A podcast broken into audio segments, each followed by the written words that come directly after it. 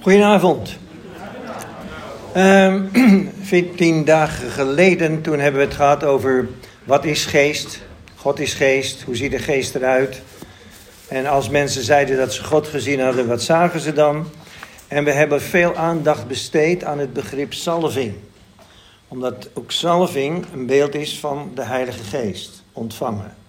En wat is olie en wat is het nut van olie? De symbolen van de geest, olie en duif en water en vuur. En dat soort uh, begrippen hebben we doorgenomen. En uh, we zijn dus uitgekomen bij uh, die zalving. Dat zalving diende tot heiliging. Priesters werden gezalfd om hen te heiligen. Alle attributen in de tabernakel werden gezalfd om ze te heiligen. Heiligen is apart zetten. En dat het opmerkelijk is dat in het Oude Testament de nadruk bij de zalving ligt op heiliging. En dat in het Nieuwe Testament de uitstorting van de Heilige Geest meer gebaseerd is op kracht. Je zult kracht ontvangen als de Heilige Geest over je komt. We hebben ook vastgesteld dat de Heilige Geest een persoon is en niet een onpersoonlijke kracht. En dat soort zaken hebben we toen doorgenomen. Dankjewel, maar ik begrijp dat het nog wel terug te beluisteren is. Vanavond uh, is de eerste vraag. Ik heb het uh, wat vragenderwijs opgesteld, zodat je het iets makkelijker kunt volgen. Uh, de vraag waar we vanavond mee beginnen is: kan iedereen de Heilige Geest ontvangen? En dan gaan we allereerst eens even kijken naar de uitzondering. Die kun je meelezen in Johannes 14, vers 15 tot en met vers 17. Dus Johannes 14 vers 15 tot en met vers 17.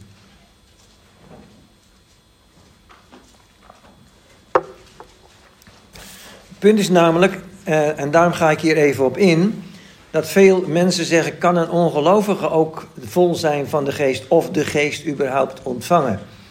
En de vorige keer hebben we gezien aan de hand van Psalm 133 dat je alleen de zalving, de olie, kon ontvangen op de bekleding. En voor ons is de bekleding Christus. Wij zijn met Christus bekleed. En we zijn in Christus een nieuwe schepping. De olie komt alleen op de bekleding, nooit op de naakte huid. En de vraag is dan nu: kan iedereen de Heilige Geest ontvangen? En dan geeft Jezus daar zelf antwoord op. In Johannes 14 vanaf vers 15. Als je mij lief hebt, houd je dan aan mijn geboden. Dan zal ik de Vader vragen jullie een andere pleitbezorger te geven, die altijd bij je zal zijn, de geest van de waarheid. En dan komt het, de wereld kan hem niet ontvangen, want ze ziet hem niet en kent hem niet. Jullie kennen hem wel, want hij woont in jullie en zal in jullie blijven. Dus Jezus is ook de doper met geest en met vuur. Maar uiteindelijk is de Vader de zender, hebben we toen ook vastgesteld. De Vader zond de Zoon. De Zoon is de gezalfde. En de Heilige Geest is de zalving. Ja, dus die lijn loopt daar ook weer. Maar hier zegt Jezus ook nadrukkelijk: Jullie kennen hem niet, maar hij woont wel in jullie als gelovigen. Hij spreekt hier dan ook tegen degene die hem hebben leren kennen. En dan moeten we ook nog even naar Handelingen hoofdstuk 1, vers 4 en 5. Want daar is de Heer Jezus ook aan het woord. En daar zegt hij: Ga niet weg uit Jeruzalem, dat zegt hij tegen de gelovigen, maar blijf daar wachten tot de belofte van de Vader, waarover jullie van mij hebben gehoord, in vervulling zal gaan. Johannes doopte met water, maar binnenkort worden jullie gedoopt met de Heilige Geest. Dus om met de geest gedoopt te worden, moest Jezus dus eerst terug naar de Vader. En zijn overwinningswonder aanbieden aan de Vader. Weet je nog wanneer dat gebeurde? Hemelvastdag. Op Hemelvastdag ging Jezus terug naar de Vader. En je moet je een beetje dan voorstellen dat hij daar het offer aanbood wat hij had behaald op aarde. Natuurlijk wist de Vader alles, alles overal van.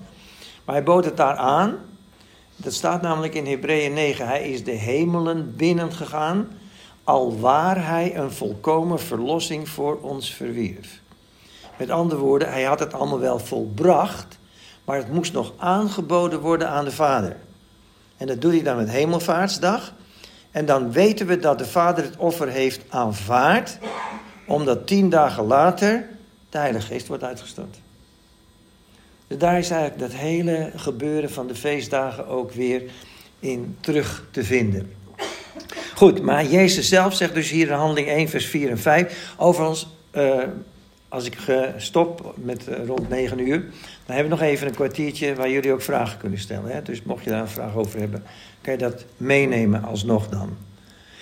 Dus handelingen 1, vers 4 en 5. Daar is dus Johannes doopte met water, maar binnenkort zullen jullie gedoopt worden met de Heilige Geest. Dan komen we de volgende vraag.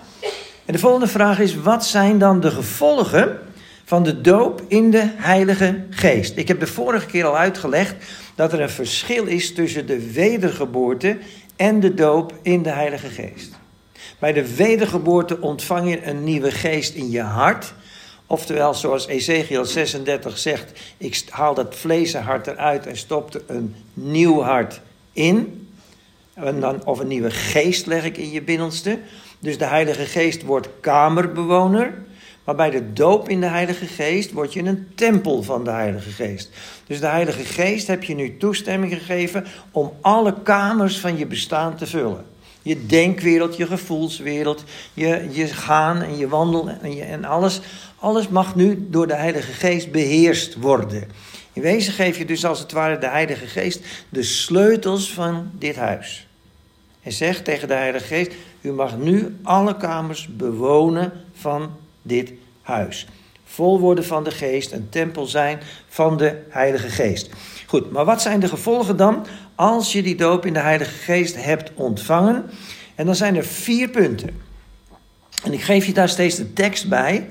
Allereerst de bekende tekst Handelingen 1 vers 8.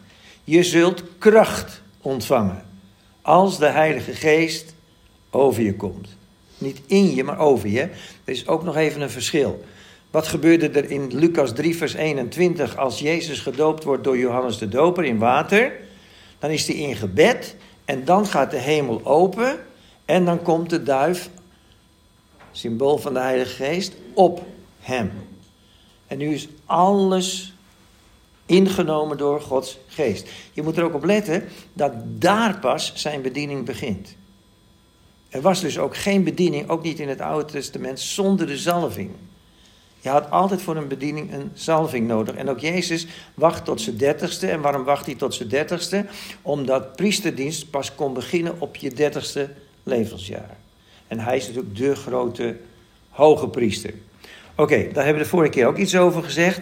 Nu even terug naar de gevolgen van de doop in de Heilige Geest. Je zult kracht ontvangen, handeling 1 vers 8. Tweede, je wordt geheiligd. 1 Petrus 1 vers 2. Daar staat geheiligd worden door de Heilige Geest. Even heel, heel simpel. Wie bewerkt de heiliging in je leven? De Heilige Geest. Als je het zelf probeert, word je doodmoe. Kom je nooit klaar. Net als het ene lukt, lukt het andere weer niet.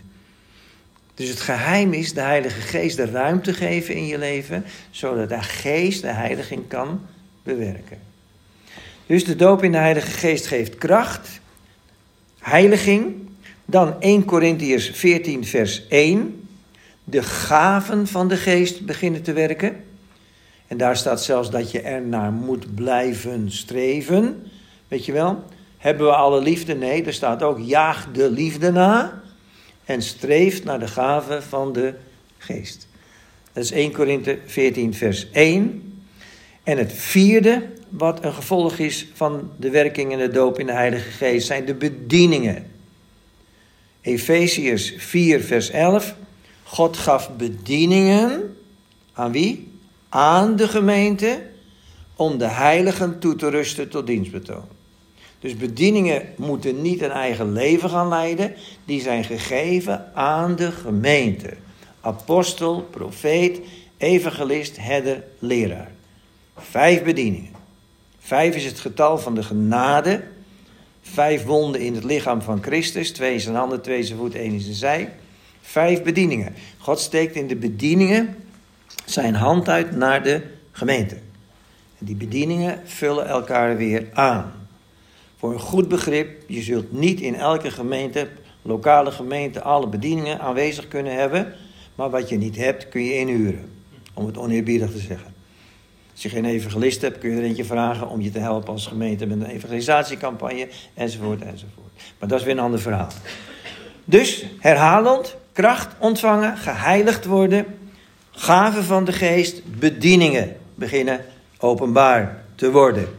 En dan de belangrijke vraag, hoe ontvangen we nou die volheid van de Heilige Geest?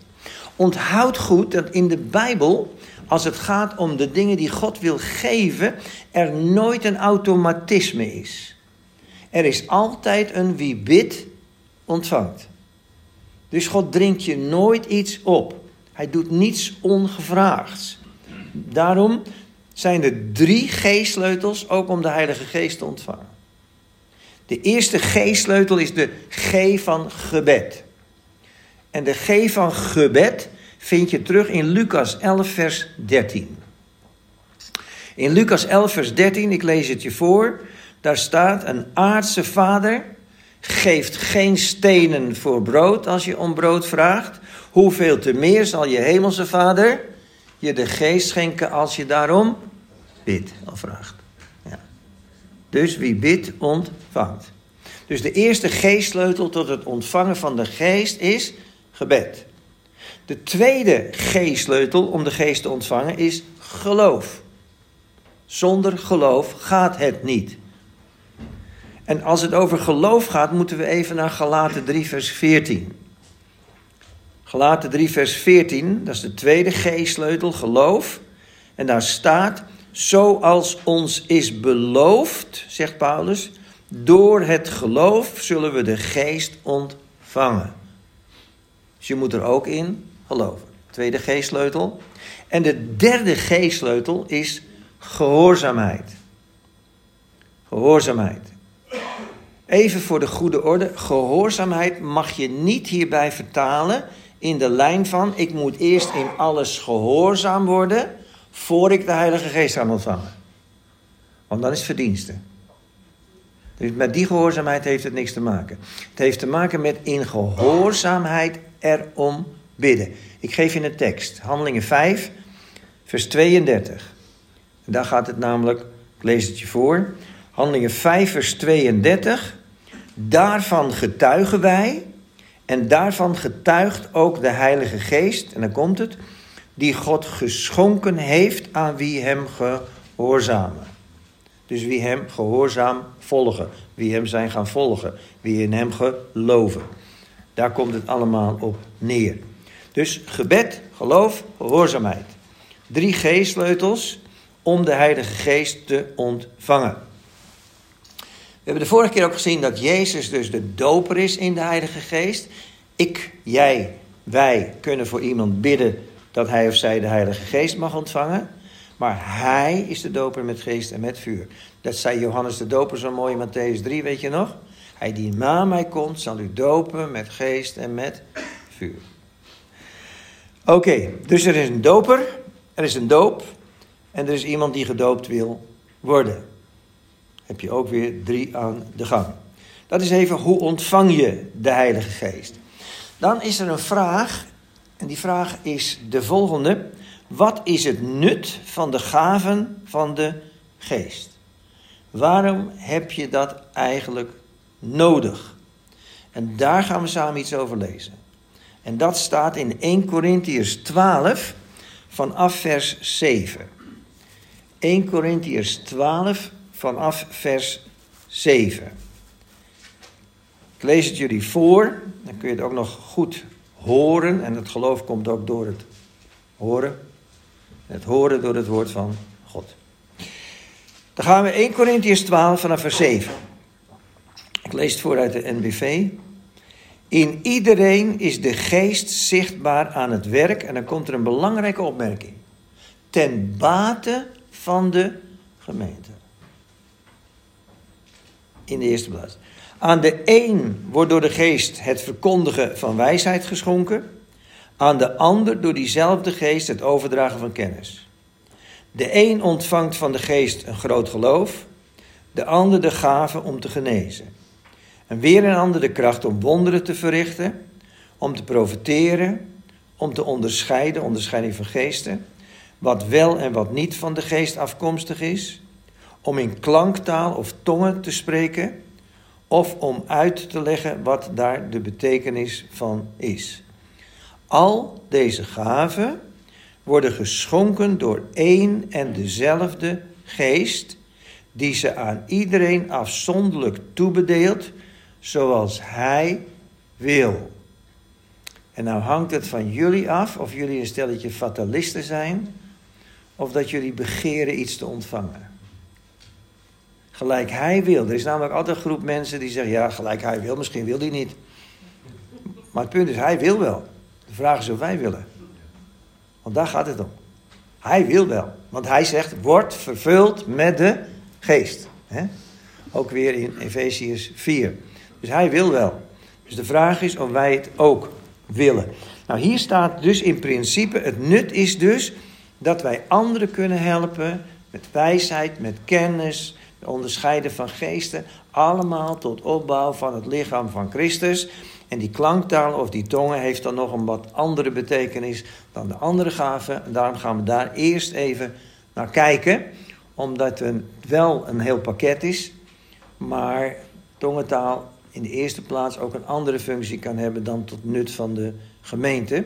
Want als het nuttig moet zijn voor de gemeente, moet er ook een vertolking zijn. Vertolking van tongen, van de klanktaal. Dus wat is het nut dan van die klanktaal of dat spreken in tongen? Dan moeten we even naar 1 Corinthians 14, vers 2. 1 Corinthians hoofdstuk 14, vers 2. En daar begint Paulus met een leuke opmerking. Als wij in tongen spreken of de klanktaal spreken, niemand kan hem verstaan. Nou, dat is wel mooi. Dus als ik in klanktaal de hele avond tegen jullie aanpraat, niemand kan het verstaan. Want mijn geest spreekt geheimenissen, staat er dan verderop, met God. Oké. Maar er is meer. Want wie in een tong of een klanktaal spreekt, zegt hij dan in vers 4, bouwt zijn of haar geloof op. Of er staat in een nieuwe Bijbelvertaling, is daar alleen zelf bij gebaat. Dus wie in een tongen spreekt, bouwt zijn eigen geloof op. Het is stichtend enzovoort. Je bouwt je eigen geloof op, vers 4. En dan gaan we naar vers 15 van datzelfde hoofdstuk. Want daar is nog weer een stukje informatie. En daar zegt Paulus: Het is bidden in de geest. En dan zegt hij: Ik kan bidden met mijn geest of in de geest. En ik kan bidden met mijn verstand. Maar zegt hij: Als ik in de geest bid, blijft mijn verstand onvruchtbaar. En daar wordt het lastig, hè? Want nou ga je dingen zeggen die je zelf niet begrijpt. Niemand verstaat het. Want de geest spreekt door je heen. Niemand verstaat het. Dus dat is het punt. In vers 15 zegt hij dus: Ik kan bidden met mijn verstand en ik kan bidden in de geest. Hij zegt er trouwens nog iets bij, als je doorleest. Hè? Ik kan ook zingen in de geest en zingen met mijn verstand. Dus er is altijd die dubbele mogelijkheid. En dan nog een punt over die tongentaal of die klanktaal. Het is een teken, en dat is een hele vreemde, maar iemand vroeg er laatst om. Ik noem hem nog maar even. In vers 22. 1 Corinthians 14, vers 22. Tongentaal, en dat zou je niet verwachten. Daar zegt Paulus, is een teken voor de ongelovigen. Had je dat verwacht? Ik niet. Ik heb altijd gedacht, als we samenkomen en er zijn een heleboel vreemden, moeten we dan wel gelegenheid geven aan mensen om in tongen te spreken. Want dat zullen ze wel vreemd vinden. Maar dan zegt Paulus, nee, het is een teken, niet voor de gelovigen, maar voor de ongelovigen. Profiteren is voor de gelovigen. Maar die klanktaal is voor de ongelovigen. Begrijp je dat of heb je daar een vraag over? Het is niet zo moeilijk hoor. Misschien is het goed dat ik het toch maar hier meteen even uitleg, anders blijft het hangen. Stel, er komt een ongelovige binnen en je spreekt alleen in tongen, dan zal hij zeggen, wartaal. Maar nou zegt Paulus uitgerekend in vers 22, het is een teken voor de ongelovigen. En daar begint iets moois. Ik was in een samenkomst en daar sprak een meisje een woord uit, eerst in klanktaal en toen met vertolking. En na afloop kwam er een student, die kwam eens kijken in zo'n gemeente. Die kwam naar haar toe. En die zei tegen haar, waar heb je Hebreeuws geleerd? En het meisje zei, ik heb nooit Hebreeuws geleerd. En de student zei, maar je spreekt het vloeiend. Maar hij zei, ik zou niet weten wat ik gezegd heb. Hij zei, dat heb je wel, want je hebt de vertolking gegeven en die was ook perfect. En dat maakte dat hij ging nadenken over het evangelie en Jezus Christus. Zie je nou dat het een teken voor de ongelovigen kan zijn? Van Tommy Hicks is bekend dat hij toen de muur er nog stond rondom de Sovjet-Unie, dat hij mocht spreken een keer in de Oekraïne en dat hij moest vertaald worden door een staatstolk. En toen hij begon te prediken, toen zei die tolk na tien minuten, die onzin vertaal ik niet verder. En toen is hij in geloof een kwartier lang doorgesproken in tongen. En iedereen verstond hem. Hij sprak de taal niet. En de mensen hoorden het evangelie. Dus als je het vanuit die hoek bekijkt, kan klanktaal, tongentaal ook een teken zijn voor de ongelovigen. En voor de rest hebben we dus gezien, bouwt het jouw geloof op en helpt het jou. En er zijn er nog een paar punten en die moeten we ook even behandelen. In Romeinen 8, vers 26 en 27, daar zegt Paulus dit. Hij zegt, we kunnen bidden voor anderen, maar vaak weet ik niet meer wat ik bidden moet. Heb je dat ook wel? Geen idee meer wat ik nou nog moet bidden. En dan zegt hij, en dan komt de geest mij te hulp. En spreek ik in onverstaanbare klanken. Wonderlijk. Zegt, de geest komt mij te hulp. En dat kan ook wel weer, de geest kan je ook te hulp komen in verstaanbare klanken uiteraard. Maar ook in onverstaanbare klanken spreek ik dingen in de geest of ik spreek in de geest met God. En daardoor weet ik weer wat ik moet bidden voor die ander. Er zitten vele mogelijkheden dus in. Maar ik moet ook eerlijk zeggen, er zijn momenten dat je een probleem, met een probleem geconfronteerd wordt en je niet meer weet wat je nou nog moet bidden. Iemand is heel ziek, moet ik bidden voor genezing of moet ik bidden dat hij toch maar naar de Heer gaat? Waar ligt de grens? En ik heb de wijsheid van de geest nodig om het juiste gebed dan uit te spreken. In die zin mag je die tekst ook opvatten. Dan is er nog een volgend punt en dat is het spreken in klanktaal of tongen helpt in de geestelijke strijd. De machten der duisternis die op je af kunnen komen, tongentaal is dan een wapen. De geest is een wapen. We hebben dat vorige keer, toen we hier samen waren, even gezien bij die wolkolom en die vuurkolom. Wat een symbool is van de Heilige Geest. Want die wolkolom en die vuurkolom, die leidden niet alleen Israël door de woestijn, die wezen de weg. Maar toen Egyptenaren achter hen aankwamen, plaatste de wolkolom, de vuurkolom, zich tussen het volk en de vijand. Dus die wolkolom had ook een beschermende functie. En dat geldt ook weer voor de Heilige Geest. En als ik in tongen spreek, weet ik ook niet wat ik bid. En hier zegt Paulus in Efeziërs 6, vers 18: En bid daarbij met aanhoudend bidden en smeken bij elke gelegenheid in de geest. Niet met je verstand alleen, maar in de geest. En dan nog een laatste punt over die klanktaal. Er wordt in het Nieuwe Testament algemeen aangenomen dat de doop in de Heilige Geest gevolgd wordt door het spreken in tongen. Overigens is dat niet een must, maar het gebeurt wel vaak. Als je alleen maar denkt aan handelingen 2, 120 mensen zijn in die opperkamer, bovenkamer. De geest wordt uitgestort en dan? En een ieder hoorde hen spreken in andere talen. Dus het was daar ook wel een teken. Wat was er in het huis van Cornelius? Weet je dat nog, handelingen 10? Vers 44, Petrus is aan het woord, Petrus staat te preken en ineens valt de Heilige Geest ook op de heidenen. En dan overtuigt de geest hen, ze beginnen in andere talen te spreken. En dan zegt Petrus, nou ja, dan, dan moeten ze ook maar gedoopt worden. Je moet je goed voorstellen, Petrus was nog altijd een beetje onzeker of het heil ook voor de heidenen was. Hè? Hij moest eerst dat visioen nog hebben, weet je wel, die droom.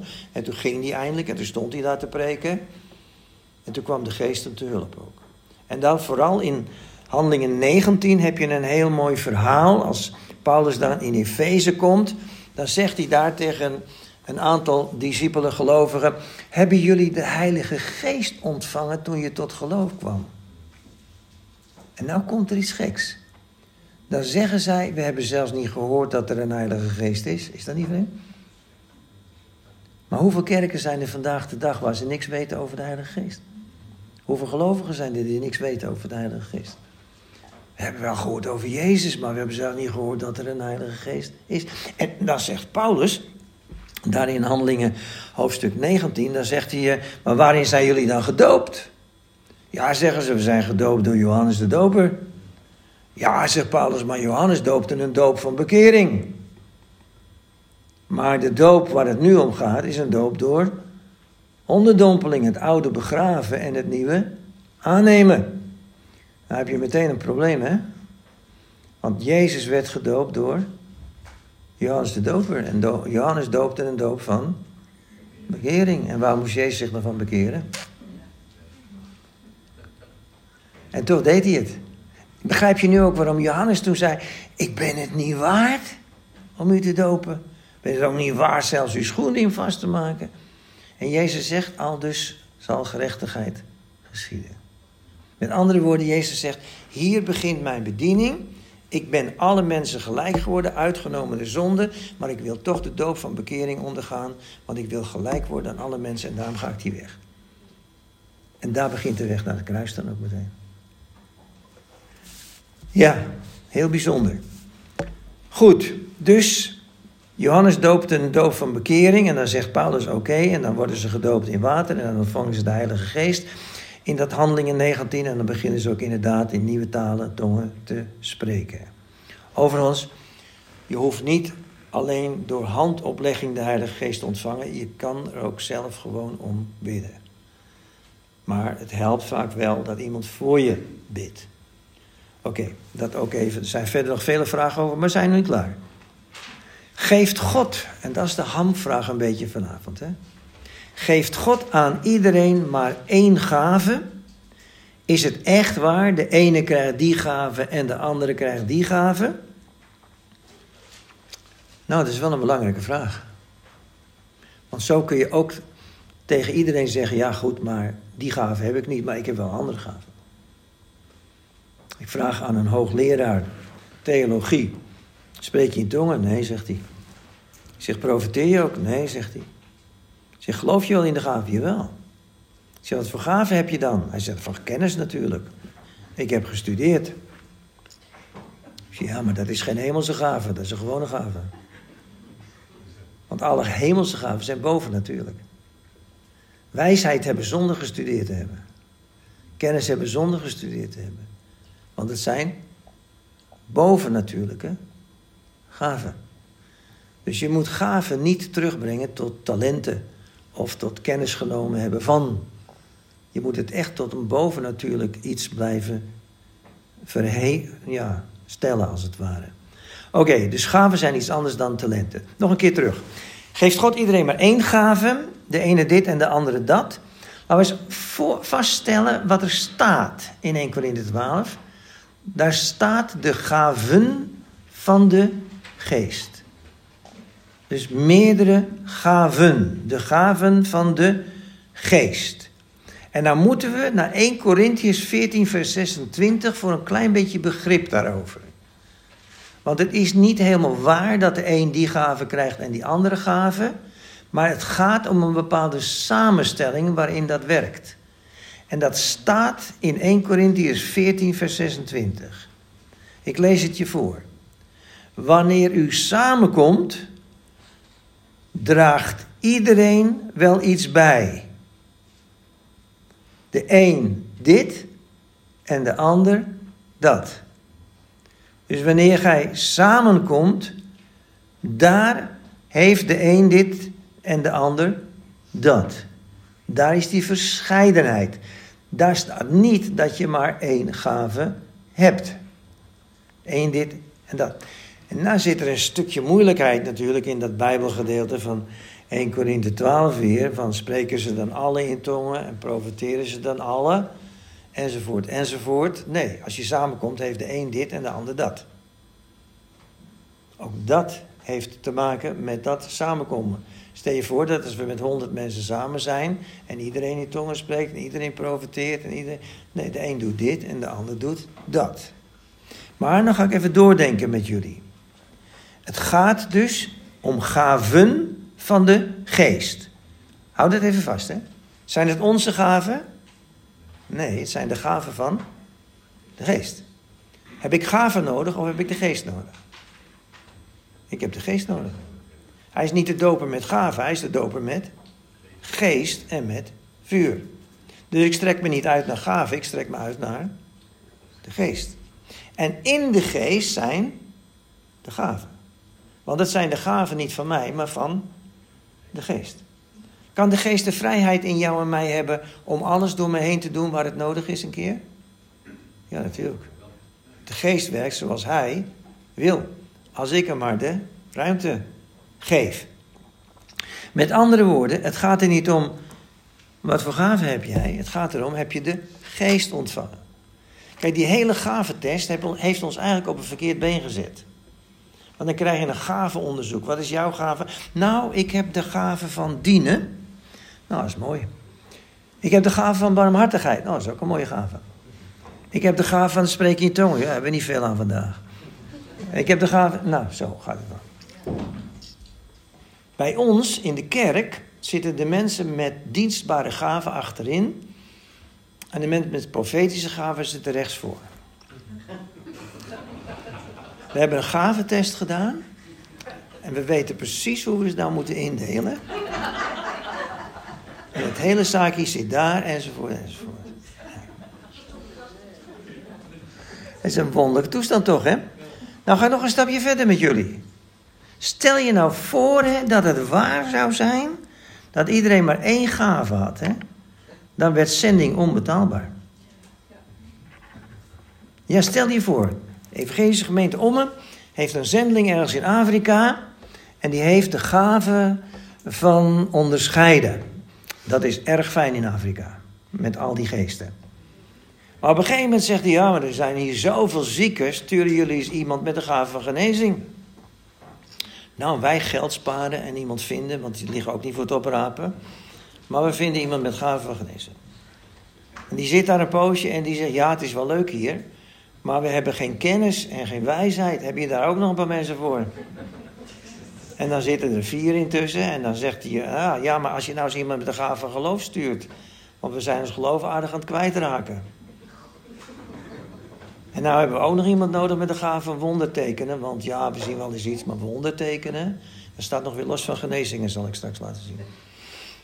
Voel je wat er gebeurt nou? Wordt onbetaalbaar. Dus zo is het niet. Ik moet altijd een beetje lachen. Er sprak iemand die zei: Ik was bij iemand op bezoek. En Kees, ik, uh, ik, ik was zelf verbaasd wat ik allemaal kon zeggen. Nou, dat is prachtig toch? Prachtig dat er onderscheiding misschien was, of kennis op dat moment. Geweldig.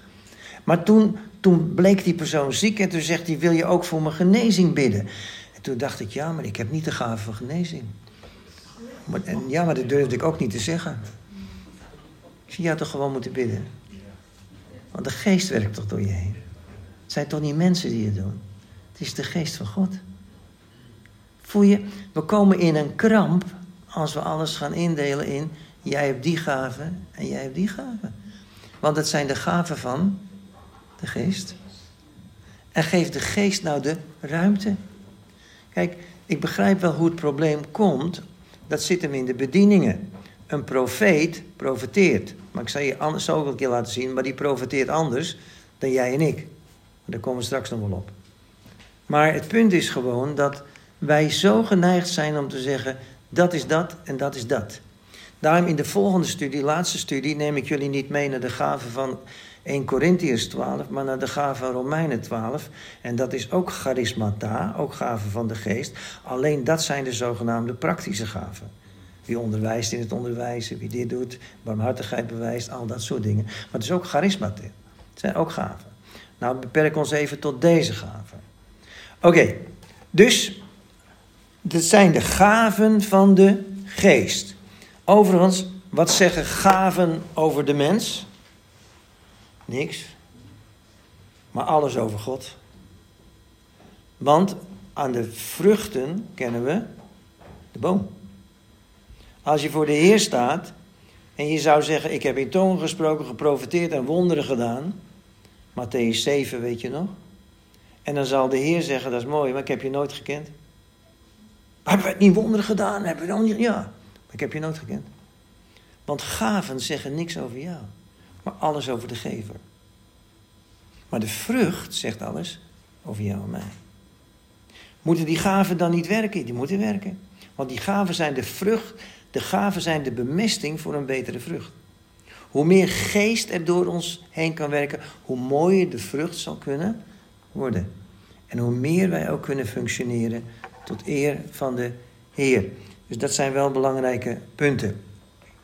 We gaan eens even kijken naar die gaven. Ik heb bewust even die tongentaal als eerste genoemd. Niet omdat het de meest belangrijke gave is, maar wel omdat die wat persoonlijker is. Hebben jullie gemerkt? We hebben nu even laten zien dat de gaven van de geest, dat het meervoudsvorm is. En dat we niet te veel moeten kijken naar één gave. Je plaats in het lichaam van Christus is mede bepalend voor het werken van één of andere gave. Dat zal ik de volgende keer laten zien. Want je plaats in het lichaam maakt dat een, een gave of twee gaven wat meer zichtbaar in jou zijn dan in een ander. Maar dat wil dus niet zeggen dat je alleen die gave hebt. Dat gaan we de volgende keer laten zien verder. We gaan nu kijken naar de gaven waar we nu mee te maken hebben. We hebben iets gezegd over tongentaal. Overigens, vertolking van tongen is iets anders dan vertaling. Hè? Dat je dat even in de gaten houdt. Je kan best een hele lange tongentaal horen en een hele korte samenvatting. Of andersom. Dat, daar moet je niet te veel aan vastknopen of het vreemd vinden. Dat kan. We gaan nu naar profetie. Want profetie is een belangrijke gave. Hoe was het ook alweer in 1 Korinthe 14 vers 1, weet je het nog? Jaag de liefde na en streeft naar de gaven, maar vooral naar het profeteren. Gek hè? Maar vooral, maar daarom profeteren is ook heel breed hoor. Goed, we gaan eens even kijken. Wat is profetie? Profetie is allereerst, net als alle andere gaven in het algemeen, gebaseerd of gericht op de gemeente. En profetie moet qua grondtekst opbouwend, troostend en bemoedigend zijn, zegt de nieuwe Bijbelvertaling. Je NBG zegt vermanend ertussendoor. Dat is dat vingertje, weet je wel? Maar dat staat nergens in de grondtekst. Dat komt omdat de taal uh, loopt, een taal werkt. Vermanend was vroeger meer aanmanend, aanmoedigend. En in wezen staat in het Engels ook encouraging, bemoediging. Maar ook in de grondtekst staat bemoediging. Dus je moet, als het gaat hier over profetie, is gericht op de gemeente. En kijk dan even naar 1 Korinthe 14, vers 3. Stichtend, oftewel opbouwend, vertroostend en bemoedigend. Wie profeteert, spreekt voor de mensen onderwijzend, even een andere vertaling, bemoedigend en troostend. Nooit vermanend. Ik zeg dat bewust even, omdat in onze kringen in het verleden profetie werd misbruikt om iemand eens goed de waarheid te zeggen. Maar dat is manipulatie en niet profetisch. Deze vorm van profetie is altijd stichtend, vertroostend, bemoedigend, oftewel onderwijzend, bemoedigend en troostend. Altijd opbouwend, altijd positief. Nou moet ik erbij zeggen, dit is een vorm van profetie. Er is nog een andere vorm van profetie en die vind je terug in Petrus.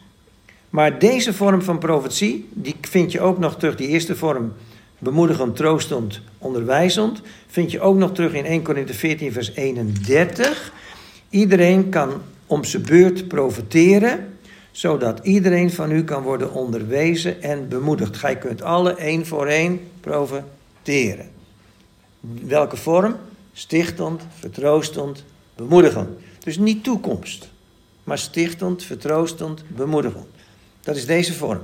Die andere vorm staat in 1 Petrus, zei ik net al. 2 Petrus, sorry, vers 1, vers 20 en 21. Dus 2 Petrus 1, vers 20 en 21. Ik lees hem voor. Besef daarbij vooral dat geen enkele profetie uit de schrift een eigenmachtige uitleg toelaat, want nooit is een profetie voortgekomen uit menselijk initiatief. Mensen die namens God spraken, werden daartoe altijd gedreven door de Heilige Geest. En dan krijg je profeten als Jeremia, als Jesaja, als Daniel en noem ze allemaal maar op. Dus er is een verschil in profetie. Het is, eigenlijk wel grappig. In onze Bijbel, en ook in de Engelse Bijbel, is profetie uh, heeft een meervoudige betekenis. Bij ons is het stichtend, vertroostend, bemoedigend. Of het is over de toekomst gaan, maar het is allebei het woord profetie. In de Duitse taal zie je wat verschil. De Duitse taal maakt voor die eerste vorm Weissagung en voor de tweede vorm Prophezeiung. Dus Weissagung is stichtend, vertroostend, bemoedigend. En Prophezeiung is toekomstgericht. Maar in onze taal hebben we er maar één woord voor. En dat geeft ook een beetje de verwarring. Om het wat dichter bij je te brengen, zoals wij hier nou zitten hè, vanavond. En we hebben de Heilige Geest ontvangen. En we zouden hier een moment hebben van gebed. En God zou willen spreken. Dan zou je heel gewoon dus, als we hier in het zijn, een gedachte kunnen krijgen. En dan zou je kunnen zeggen, nou de Heer bepaalt mij erbij dat ik tegen iemand mag zeggen, God heeft je strijd gezien. Hij heeft ook je eenzaamheid gezien. En hij zegt vanavond tegen je, geloof ik, dat hij je kent, dat hij je uittilt boven je omstandigheden, zodat je in het licht kunt blijven wandelen. Is dat bemoedigend? Ja. Is het moeilijk? Nee. Gewoon een gedachte doorgeven die God in je denken legt. Maar het valt wel onder profetie. Stichtend, vertroostend, bemoedigend. Wat ik wil doen is, ik wil die profetie wat dichter bij je brengen. Dat, de profetie klinkt zo verheven, dat kan ik niet, dat zit niet in mij. Maar een bemoediging of een vertroosting. God heeft je eenzaamheid gezien. Ik moet het toch even tegen je zeggen. En God weet wat je doormaakt. Maar hij is erbij. En hij omarmt je met zijn liefde. En hij houdt je staande. Mooi? Mooi? Hoe goed is een woord op zijn tijd? En ook hier geldt dat in. Waarom zou je in een bidstond alleen maar bidden? Waarom zou je niet eens tegen de Heer zeggen: Heer, geef een bemoediging voor iemand? Gebruik mij ook eens om te, te troosten, een woord van troost te geven. Bepaal me bij iemand. Kijk, en nou komt het een beetje dichterbij. Want profetie is niet altijd maar, nou moet ik gaan zien wat er met me gaat gebeuren in de toekomst. En ik zag de, de, de, de vecht overstromen en ik zag het allemaal naar binnen komen. En het brak vuur uit, want alle sluitingen. Nou ja, en, nou ja, het is wel interessant, maar niemand wacht af tot het uitkomt. En als het nooit uitkomt, was het een valse profetie. Toch? Dus laten we daar nou nuchter in zijn. Gewoon eens gaan nadenken over wat er al wel aanwezig is. Zonder dat we meteen op mensen met een profetenbediening zitten te wachten. want iedereen, wij kunnen allen één voor één profiteren stichtend, vertroostend, bemoedigend. Door de werking van de Heilige Geest. Ja, en dat is toch ook wel weer mooi. Oké, ehm, dat hebben we gehad. Profetische woorden, die zijn dus tweevoudig. Ja, er zijn meer mogelijkheden. Zieners had je vroeger ook nog, hè. Maar zieners waren gewoon ook mensen die iets zagen in de geest en dat doorgaven. Samuel was ook zo'n ziener. Het staat ook vroeger, werd hij profeet Siener genoemd. Hij zag de dingen die God wilde doorgeven. We gaan nu snel even tot besluit de rest van de gaven doornemen. Dan kunnen we daar nog een tijd hebben om te vragen. Uh, we hebben nu gezegd tongentaal, vertolking van tongen. We hebben iets over profetie gezegd. Kennis en wijsheid plaats ik even bij elkaar voor het gemak. De gaven van kennis en de gaven van wijsheid. Allereerst De gave van kennis heeft niks te maken met helderziendheid of waarzeggerij. Die zaken behoren tot de occulte wereld. Ook heeft de gave van kennis niets te maken met psychologie. Psychologie kan heel goed zijn, maar de gave van kennis werkt toch wat anders. Een onbekeerde kan een studie volgen en met de gedane kennis in psychologie op bepaalde mensen zeker helpen. Dat is prima. Maar goddelijke kennis gaat net weer een beetje anders. Als ik nou heel makkelijk vanavond even wil uitleggen wat het verschil is tussen de gave van kennis en de gave van wijsheid, moet je zelf maar eens even lezen Genesis 40 en 41. Het is een lang verhaal, daarom doe ik het niet. Maar in Genesis 40 en 41 staat dat verhaal van die droom van Farao. Dat weet je wel. Farao had een droom. En dan krijg je die zeven vette jaren en die zeven magere jaren. En niemand kan die droom verklaren en daarom moet Jozef komen. En als Jozef die droom verklaart, is dat een woord van kennis. Farao heeft dat en dat gezien. En dit gaat er gebeuren. Een woord van kennis. Maar nu zie je meteen erachteraan een woord van wijsheid. En wat is wijsheid? De invulling van je kennis. Want wat doet Jozef? Hij zegt, als ik dan even door mag praten, in de vette jaren moeten we schuren bouwen en zoveel mogelijk koren verzamelen om in de magere jaren genoeg te eten te hebben. Dat is wijsheid. Ja? Dus dan zie je eigenlijk mooi dat twee dingen samen gaan. Je zou het ook zo kunnen zeggen: de toepassing van die kennis is het praktisch uitwerken van die kennis en dat is wijsheid. Je zou het nog anders kunnen zeggen: door de gave van kennis kun je de zwakke plek bij iemand aanwijzen. Gaat niet goed met je. De Heer laat me zien dat je helemaal in de vernieling zit. Maar daar kan ik je niet in laten zitten. Dus ik heb nou wijsheid nodig om je aan te geven hoe je eruit komt. En wijsheid is dus in principe dan hoe het weer opnieuw, maar nu goed in elkaar kan worden gezet. Dus kennis en wijsheid zijn wel twee verschillende dingen, maar ze moeten elkaar toch wel aanvullen. Stel je voor dat je met iemand zit te praten en dat God je laat zien wat hij allemaal fout gedaan heeft. Dan heb je ook een hoop wijsheid nodig om met die kennis om te gaan. Hè? Ja. Want als je dat plomp verloren zegt, dan loopt hij meteen weg. Dus wijsheid en kennis hebben zeker veel met elkaar te maken. Maar je begrijpt het verschil, hè? Ja? Dus kennis is doorgronden van het probleem. Wijsheid is het op kunnen lossen van het probleem. En daar kun je nog veel over zeggen.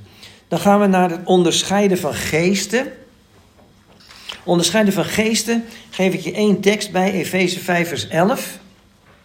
En in Efeze 5 vers 11 daar staat... Het is het ontmaskeren van de werken der duisternis. Dus onderscheiding van geesten is het ontmaskeren van de werken der duisternis. Dus het is niet het doorzien van iemands gedachten, maar het is wel het onderkennen en onderscheiden van boze geesten die bezit hebben genomen van iemand.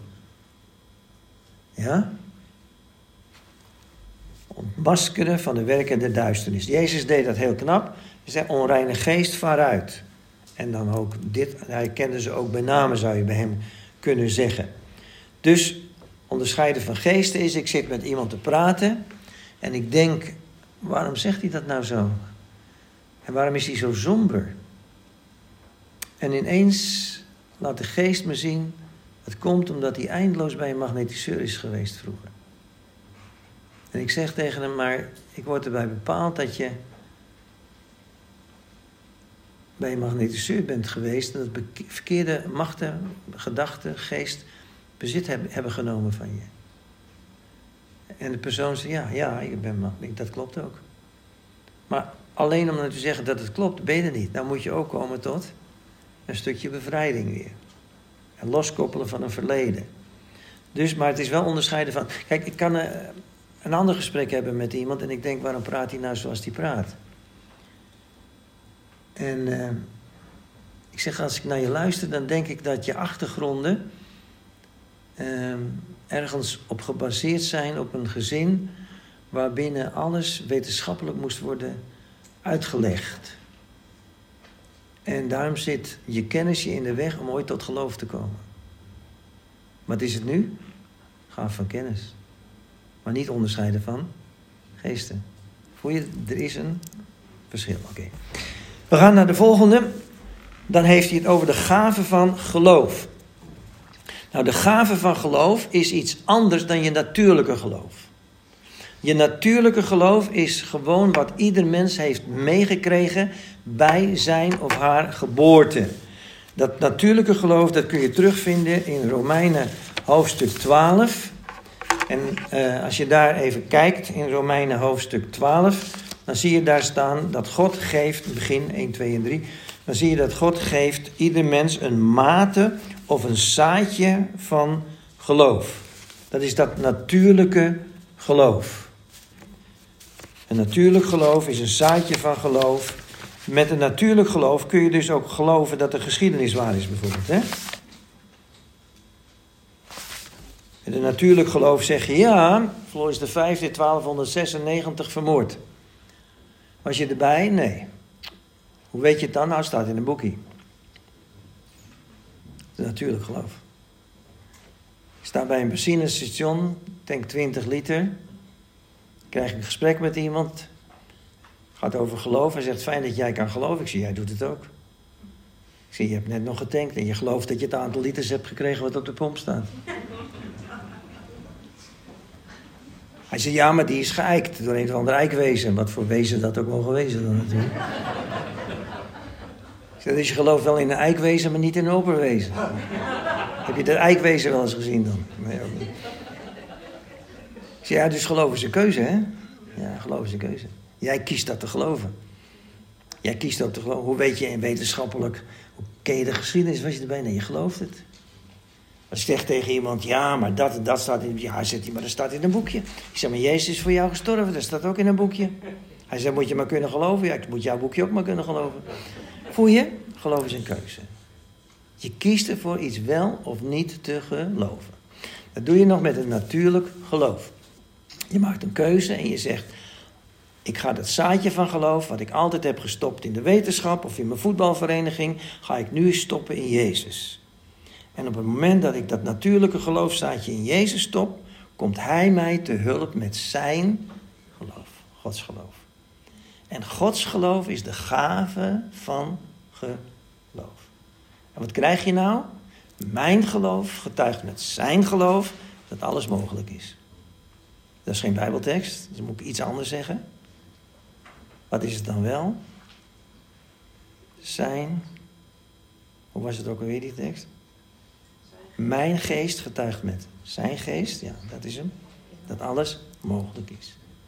Zijn geloof is dus Gods geloof. Dus kan je je voorstellen dat mijn geloof wankelt altijd. Hè? Ik weet niet hoe het met jullie geloof is, maar ons geloof wankelt veelal. Maar als Gods geloof erbij komt, dan kan je bergen verzetten. En Gods geloof is Gods geloof in zijn eeuwige woord. God aarzelt niet. En de gave van geloof is de gave van Gods geloof. En als Gods geloof jou, mijn wankele geloof, te hulp komt, werkt de geest ook in mijn geloofsleven. Nou, zo simpel is het in wezen. En in de praktijk valt het heel tegen.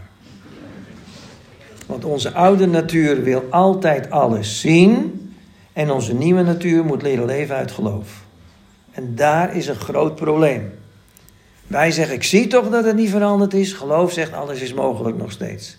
En dan zegt Paulus in 2 Korintiërs 4, vers 18: Wij richten ons niet op de zichtbare dingen, maar op de onzichtbare. Want de zichtbare dingen zijn tijdelijk, maar de onzichtbare zijn eeuwig. En nou richt ik mij op de onzichtbare dingen. Dat is toch paradoxaal? Kun jij je richten op de onzichtbare dingen? Zie niks, zeg je dan. Dat is heel moeilijk. Zien op het onzichtbare, zegt hij in wezen. Dat, dat is moeilijk. Dat is een zaak van je geloof. Dan moet je even helpen hiermee. Want de gave van geloof, geloof is een zaak van je hart. Paulus zegt in Romeinen 10, met het hart gelooft men tot gerechtigheid. Met je verstand kan je niet geloven. Daarom zitten wetenschappers ook altijd in de knoop. Met je verstand kun je hopen op de Heer. Maar met het hart gelooft men. Romeinen 10, vers 10. Als uw hart gelooft, zult u gerechtvaardigd worden, verklaard, gerechtvaardigd worden verklaard. En als uw mond beleidt, zult u worden gered.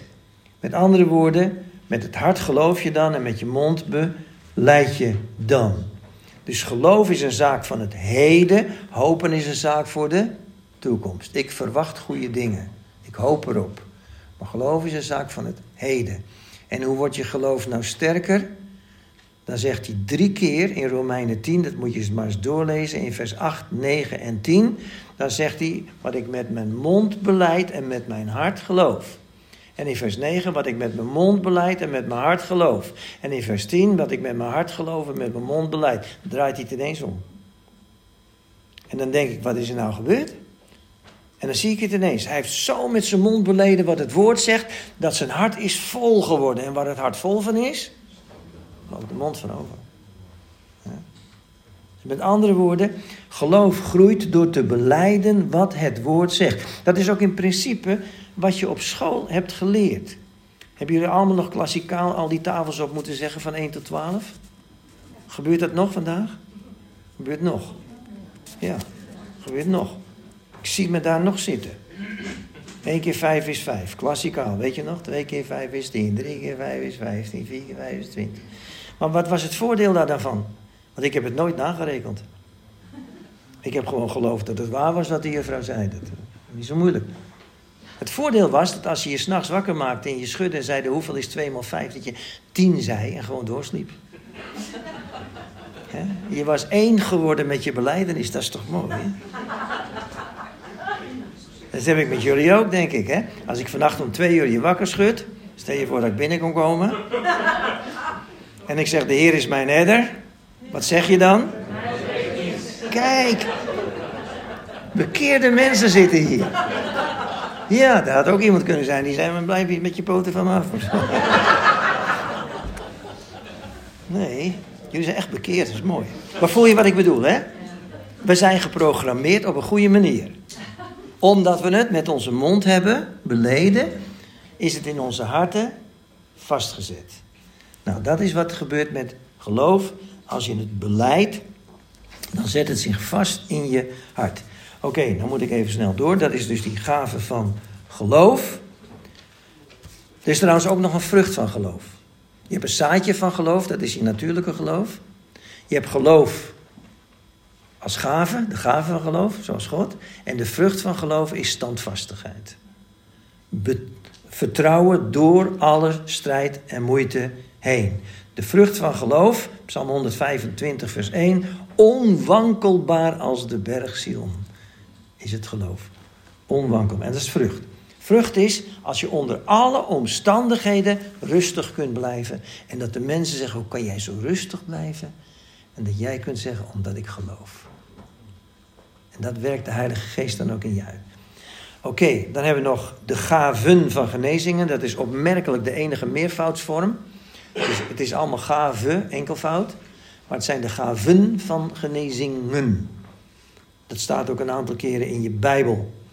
En dat komt, dat wordt althans verondersteld, dat er meerdere gaven van genezing zijn, omdat er ook meerdere soorten ziekten zijn. Maar ook omdat er meerdere gaven van genezing zijn in de zin van, Jezus sprak een woord, of hij spuwde, of hij deed nog wat anders en wij kunnen op zieken de handen leggen en we kunnen ze met olie zalven. Dus er zijn meerdere gaven van genezingen. Er zijn ook meerdere ziektes. En de gave van genezing is het brood der kinderen. De gave van genezing moet ook werken in de gemeente. Want de laatste vorm, dat is de gave van het doen van krachten en wonderwerken, is meer op het zendingsveld. De heidenen komen tot de conclusie dat er een God moet zijn door de wonderen en tekenen die jouw prediking volgen. In Nederland werkt dat niet zo. In Nederland zijn we al zo uh, geïndoctrineerd met ongeloof. Dat wat er ook aan wonderen gebeuren, mensen zeggen, ach, dat we zelf ook wel overgaan. Velen zullen dat zeggen. Maar wonderwerken brengen wel, dat hebben we zelf op het zendingsveld gezien, mensen tot geloof. Kan jouw God dat? Ja, mijn God kan dat. En dan gaan we ons wenden tot die God. Dus de gaaf van het doen van krachten of wonderwerken is vooral gericht op de ongelovigen. Je ziet het in Handelingen 3 bijvoorbeeld heel, heel mooi, hè? weet je wel. Daar bij die schone poort komt Petrus aanlopen met Johannes. En dan zegt Petrus, maar wat ik heb, dan geef ik je. Nou, jij bent die verlamde, je zit daar bij die poort en je wil genezen worden. Maar dat vraag je niet eens, je vraagt om een aalmoes. En dan zegt Petrus, zilver en goud heb ik niet. Nou, wat denk je dan? Loop maar door. Ja, heb je niet. En dan zegt maar, wat ik heb, dat geef ik u. Nou, je denkt, er kan nooit veel wezen. En dan zegt Petrus, in de naam van Jezus, sta op, is gezond. En verschrik sta je op. Ja, want geloof heb je niet. Want wie had er wel geloof? Petrus. Er staat ook verder. Op dat geloof, in die naam, is deze genezen geworden. Wonderwerken. Ja. Dus Petrus zegt wat ik heb. En dat vind ik heel mooi, omdat uh, in veel kringen heb ik altijd gehoord en bij veel gebedsgenezers van ja, maar als jij het gelooft, dan zal het ook gebeuren. En de zieke kan niet zoveel geloof meer opbrengen, want die vergaat van de pijn. Vaak. En dan komt zo'n persoon met zo'n bediening en die zegt dan ja, maar als je het gelooft.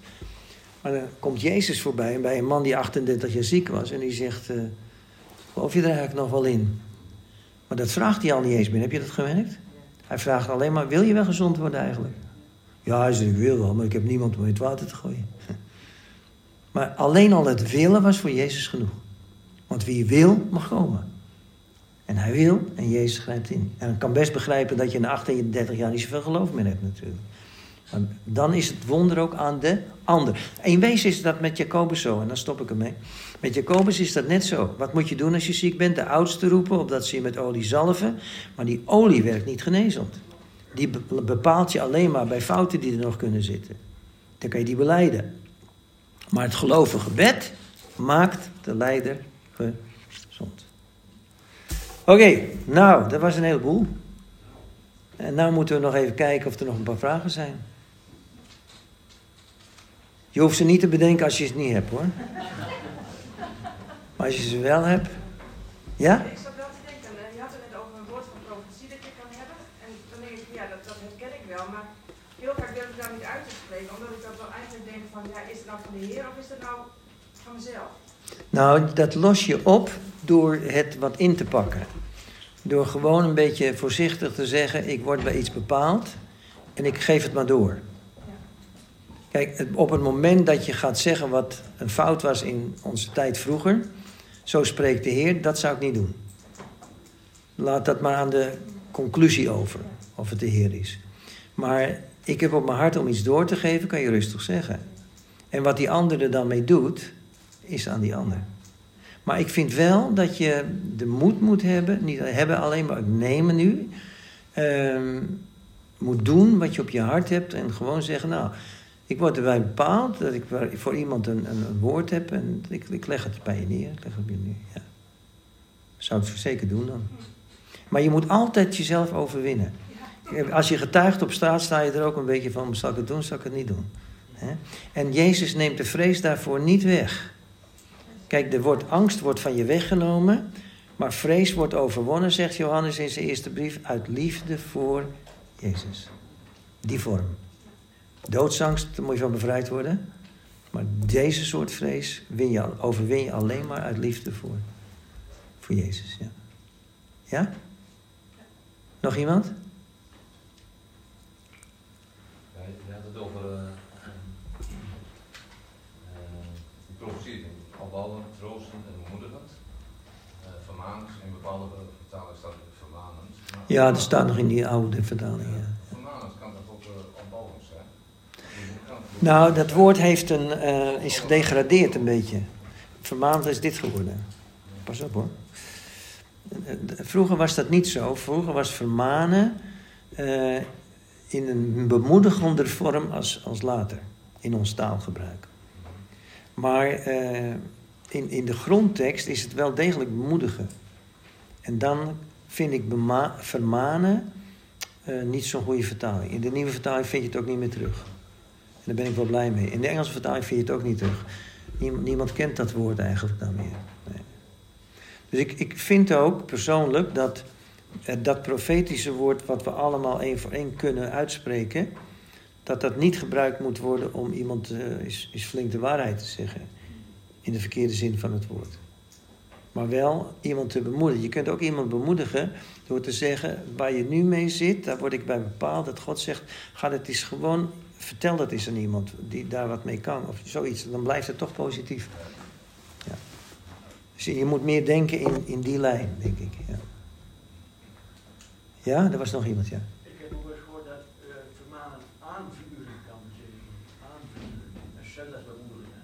Ja, misschien is het dan weer aanmanen. Aanvuren. Ja, de, de, voor mij is het woordje uh, terechtgekomen in, in, de, in de rij van woorden van dat, dat vingertje van, uh, weet je, dat wettische vingertje van, dat, dat kan niet zo. Maar goed, je, als je er een andere betekenis aan kunt geven, en dan moet je het wel uitleggen weer. ja. Hm? Nog iemand iets te... Ja, er staat in de Bijbel een verhaal over Jezus die uh, een blinde geneest. En dat doet hij in twee keer. En met speeksel. En dan de eerste keer zegt hij, uh, is hij boven. En de tweede keer ziet hij helder. Ja. Dan geloof ik dat Jezus ook in één keer af kunnen genezen. Ja.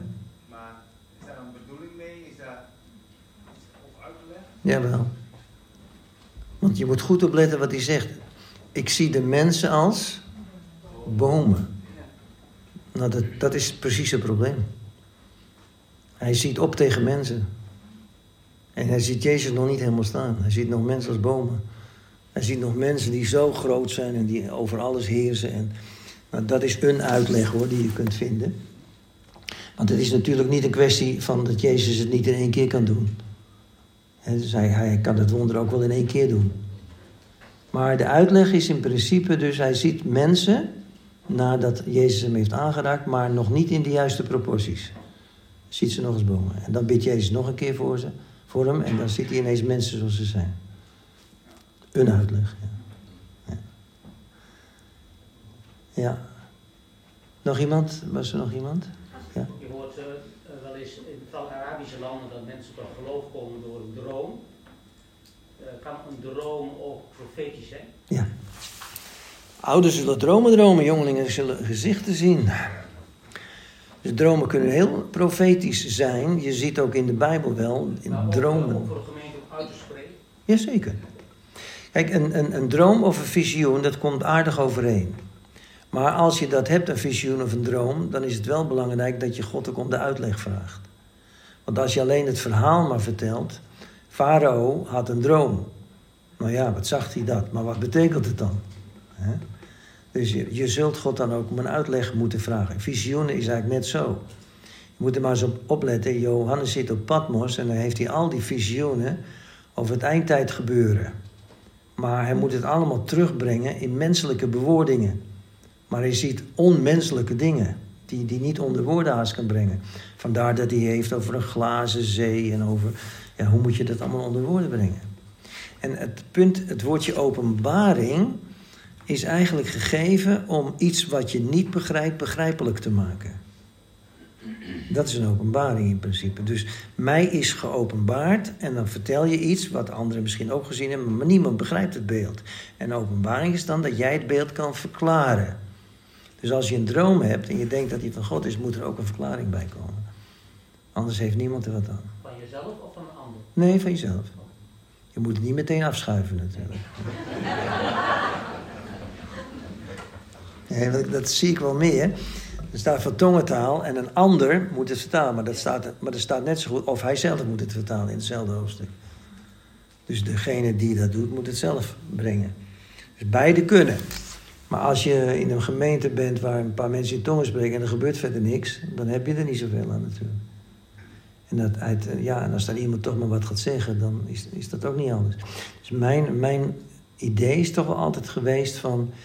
Jij eh, hebt een woord van de Heer, vraag dan ook om de uitleg. Opdat de gemeente gebouwd, gesticht, opgebouwd enzovoort wordt. Ja. En dat is ook het meest veilige en het meest uh, voor de hand liggende, denk ik. Want het, ik merk wel, in een gemeente ben je er ook niet zo op gespitst... als iemand bijvoorbeeld in tongen spreekt... dat je denkt van, moet ik daar straks iets over zeggen of zo? Nee. Ja? Hoe is je eigen tongentaal te toetsen, als dat echt is? Nou, het is in begintijd, dat is heel verschillend. Er zijn mensen die gedoopt worden in de geest en wam man. Eh, ik, ik had drie, vier woordjes.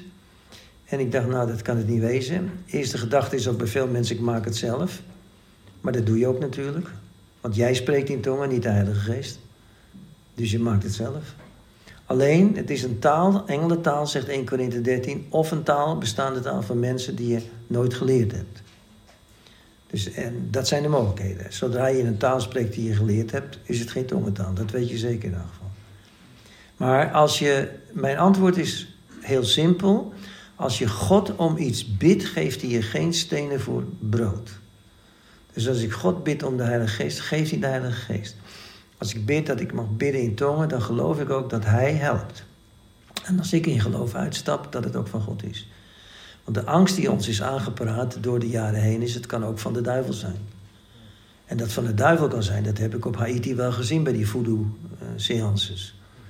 Zo'n zo, zo tovenaar wordt in trance gebracht en slaat allemaal kreten uit. Maar dat is angstaanjagend. Maar tongentaal is niet angstaanjagend. Het geeft rust, het geeft vrede. En ik heb voor mezelf wel geleerd om ermee door te gaan in de stille tijd. En dan te ontdekken hoeveel rust het geeft en wat je dan verder zegt. Oké? Maar als het moet nooit een kramp worden. Hè? Alles wat God geeft moet prettig blijven. In prettig in de zin van het moet niet spanningen geven. Maar het moet wel, eh, als je ermee bezig bent, eh, ga je ontdekken dat het uh, gegeven is opdat de gemeente gezegend wordt of dat jij zelf gezegend wordt. Maar het moet ergens altijd tot zegen leiden. Wat God geeft. Openbaring, zegen enzovoort. Ja. ja. Er was nog iemand? Ja? Is dat een verantwoordelijkheid van jou als christen of is dat een verantwoordelijkheid van de, van de gemeente en de leiding van de gemeente? Heb een uh, gemeente, we zijn lid geweest van een gemeente. Als er echt ingrijpende woorden waren van de Heer die doorgegeven moesten worden, dan uh, wilden ze graag dat dat eerst met een van de oudsten besproken werd. Want de gedachte was van er is één geest in de gemeente die spreekt en dan wordt het altijd bevestigd door een, een andere vorm van de uiting van die geest. En als ze die zekerheid hadden dat het echt van de geest was, dan werd het in de gemeente. Ja, ik weet, ik begrijp dat er veiligheids. Uh Zaken zijn ingebouwd op een gegeven moment vanwege bepaalde elementen die soms in je gemeente zitten. Uh, aan de andere kant uh, is het wel zo dat als een zou een verkeerd woord zijn, de anderen moeten het beoordelen, staat er. Dus dat betekent dus dat we niet klakkeloos hoeven aan te nemen dat alles van God is wat er klinkt. De anderen moeten het beoordelen. En wat je inbouwt is een veiligheidsfactor maar je, dat die, die is tevens een belemmering. Je kunt, mijn zinziens, veel beter mensen de kans geven om iets uit te spreken. En wat nog het beste is, en wat in sommige gemeentes gelukkig ook gebeurt, is dat de voorganger dan terugkomt en zegt: Wat heeft God nou eigenlijk gezegd? Nemen we dat tot ons? Zijn we, kunnen we daar wat mee? En dat leggen we bij jullie neer. En dat je het wel even benoemt nog wat er gezegd is, anders dan weet niemand meer van was dit nou wat of was het nou niks. Dus daar is wel goed, het is wel goed om er even aandacht aan te geven. Het, het gekke is ook in veel kringen dat wij zeggen, nou ja, goed joh, de, die profetie is altijd hetzelfde. Zie niet links, zie niet rechts, ga rechtdoor. Uh, waarom zou ik dat nog zeggen? Het is altijd hetzelfde. Mijn antwoord is altijd, heb je je eigen gebeden wel eens een keer gehoord? Als jij begint te bidden, zegt God ook niet, dan heb je er weer. Altijd hetzelfde. Altijd wil hij zorgen voor die, wil hij die bewaken, wil hij dat bewaren. God zegt dat niet. God zegt, hé, hey, daar is hij weer. Hè? En, en, en wij zouden ook dankbaar moeten zijn dat mensen de moeite nemen om... Kijk, het, het hele idee is dat mensen biddend naar de samenkomst komen... omdat ze gebruikt willen worden door de Heilige Geest. En het patroon van een kerk is geworden, we zijn benieuwd wat er gebeuren gaat.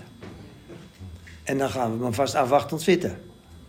Maar we zitten meestal niet in die kerk om mee te doen aan.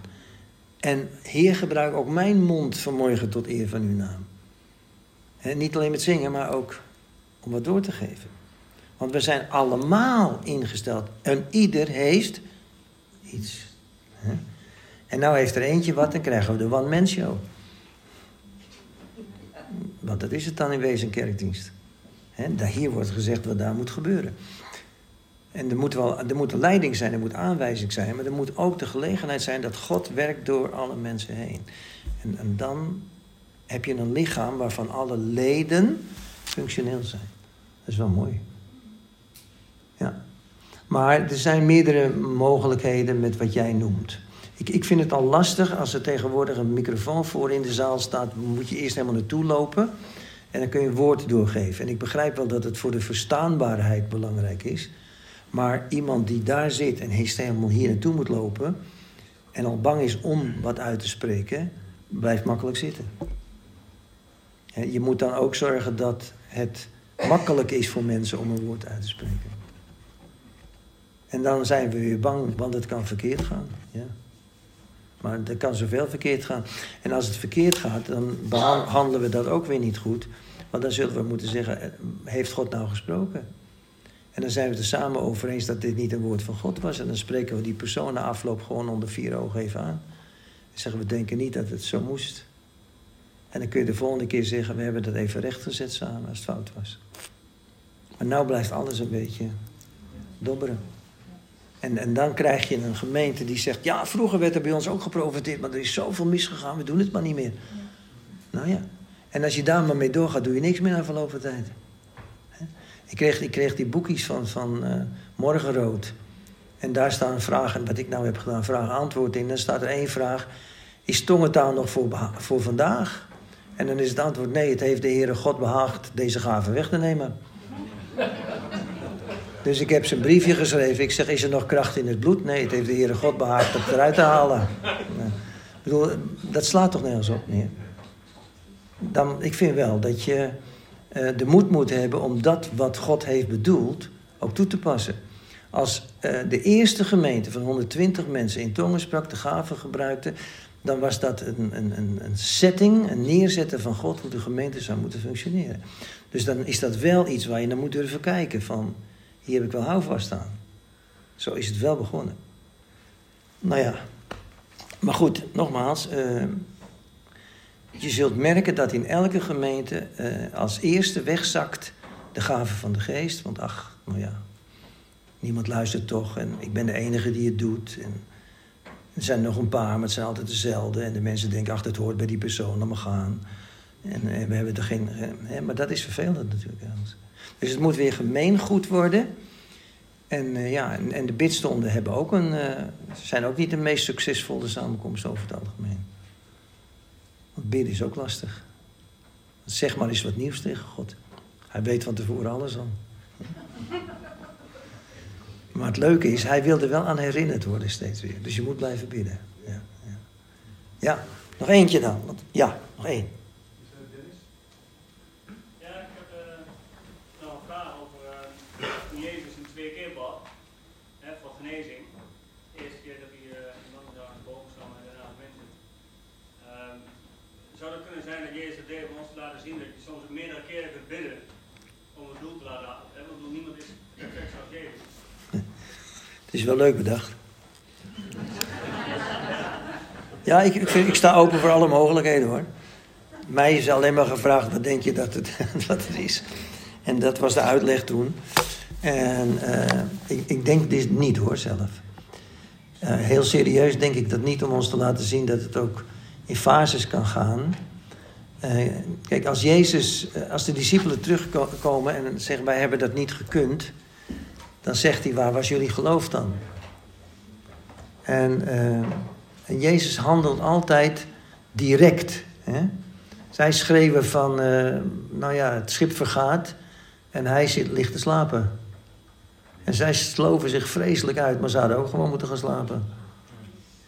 Want als je echt hem vertrouwt, komt het wel goed. Maar Jezus, ja, en wij, dat is natuurlijk niet helemaal een goede vergelijking. Nee. Maar het leuke van de Bijbel is, je mag dingen denken. Ja.